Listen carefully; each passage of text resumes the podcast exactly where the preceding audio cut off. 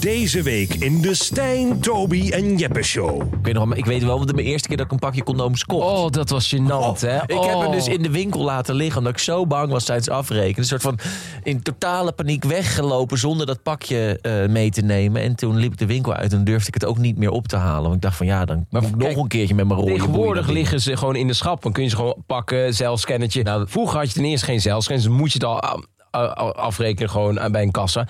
Maar bij mij, bij de Plus in, eh, in Beeldhoven, waar ik opgroeide...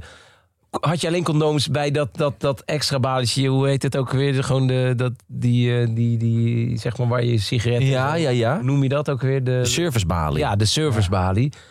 En ik ging dat dus vragen. En die, eh, het was volgens mij een gast, die werd er ook fucking ongemakkelijk van. En ik was echt, ja, wat was ik, 18 of zo. Die ging dus eh, roepen naar iemand anders door de plus heen van, hé, de, de condooms, we- weet jij waar die liggen? Nou, dat maakt het alleen maar nog erger. Even om op ting doen. Ja. Een hele kleine vieze geile jongen bij de servicebalie. Hier wil je wat condooms hebben. Dit hele kleine Maar nette schuil op donnetje, die wil graag neuken.